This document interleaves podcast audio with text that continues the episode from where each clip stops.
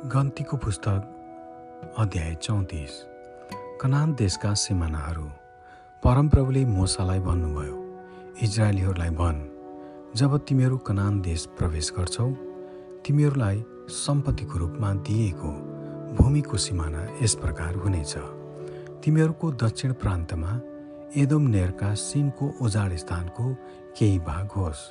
तिमीहरूको दक्षिण सिमाना पूर्वतिर खारा समुद्रको टुङ्गोदेखि लागेर अक्रबिमको उकालोको दक्षिणतिर निस्केर जिनसम्म र कादेश बर्नेको दक्षिणतिर पुगोस्।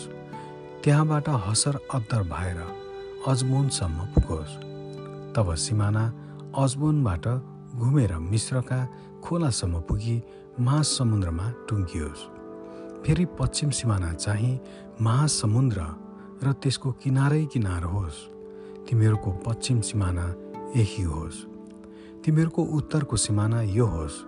महासमुद्रबाट होर पर्वतसम्म तिमीहरूले सिमाना बाँध्नु र होर पर्वतबाट लेबो हताहमातसम्म सिमाना बाँध्नु। तब त्यस सिमाना सदात भएर सिप्रोनसम्म पुगोस्।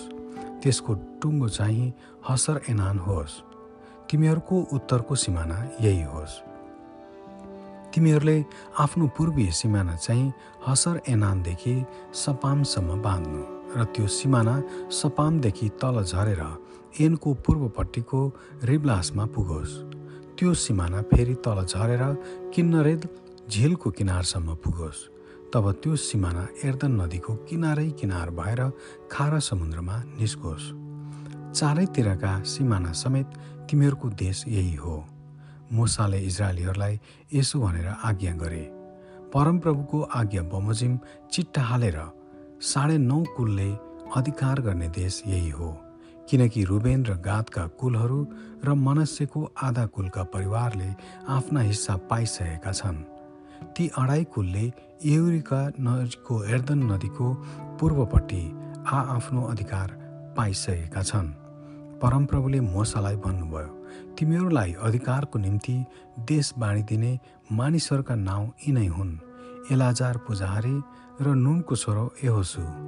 अधिकारको निम्ति देश बाँड्नलाई तिमीहरूका कुलै पछि एक एकवटा नायक छुट्याउनु। तिनीहरूका नाउँ यस प्रकार छन्।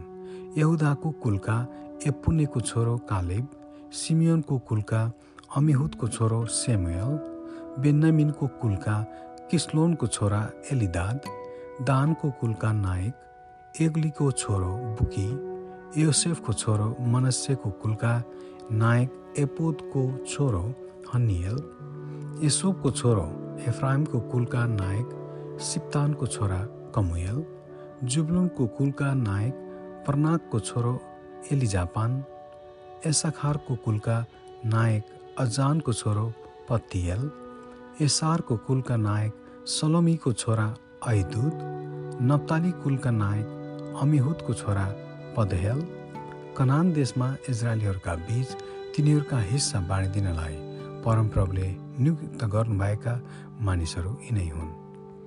आमेन।